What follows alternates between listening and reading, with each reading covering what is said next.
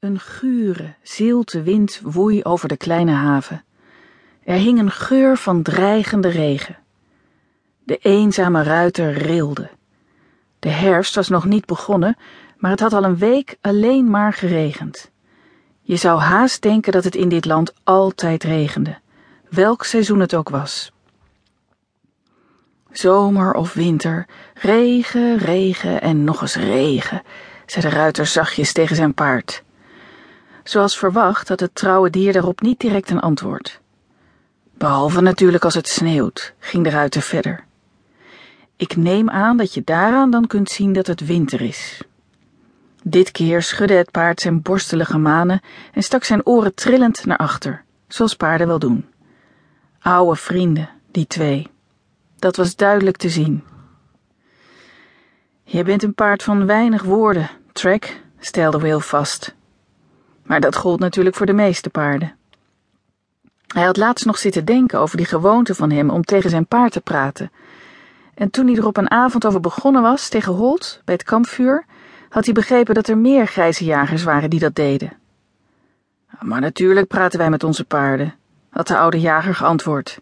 Per slot van rekening hebben ze meer hersens dan de meeste mensen die we tegenkomen.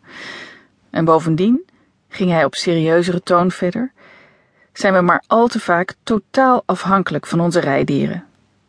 We moeten hen blindelings kunnen vertrouwen, en zij ons. Door met ze te praten verstevigen we die band. Will snoof de zoute wind weer op.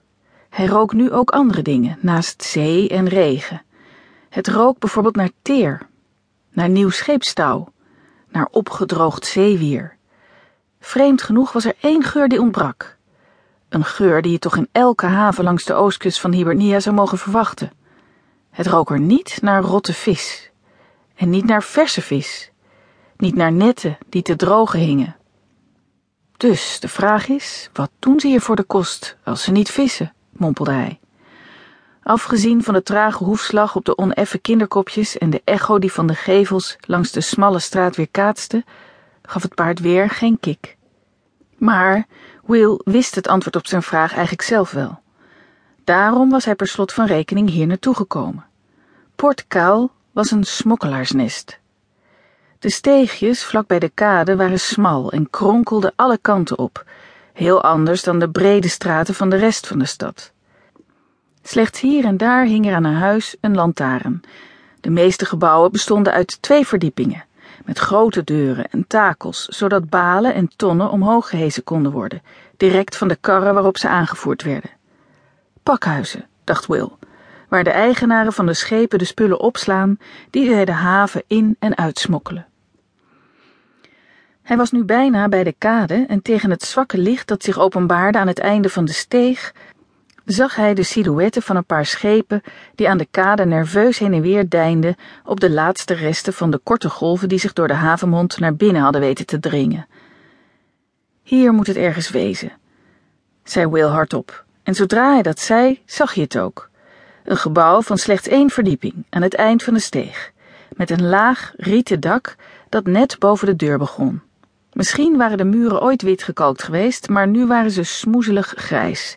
Er scheen een zwak gelig licht door de kleine raampjes langs de straatkant en boven de lage deur hing een uithangbord in de wind te knarsen en piepen. Er stond, nogal primitief, een vogel met lange poten op afgebeeld. Dat zal de reiger zijn, zei Will. Hij keek nieuwsgierig om zich heen. De andere gebouwen waren allemaal donker en gesloten. Daar was men al klaar voor die dag, terwijl voor een herberg als de Reiger de werkbedag nog maar net begonnen was. Hij steeg af in de steeg en klopte verstrooid op Track's nek, terwijl hij even bleef staan rondkijken. Het kleine paard wierp een kritische blik op de Chauffele Herfberg en draaide één oog naar zijn baasje. Zou je daar wel naar binnen gaan? Voor een paard van weinig woorden was Track soms bijzonder welsprekend. Will glimlachte hem geruststellend toe. Er gebeurt me niks. Ik ben geen kind meer, hoor. Track brieste minachtend. Hij had al lang gezien hoe armoedig het erf en de stallen naast de herberg erbij lagen, en hij wist dat hij daar zometeen zonder pardon achtergelaten zou worden. En erger nog, hij zou geen oogje in het zeil kunnen houden, en dat voelde altijd ongemakkelijk. Will trok hem door de scheefgezakte poort de binnenplaats op.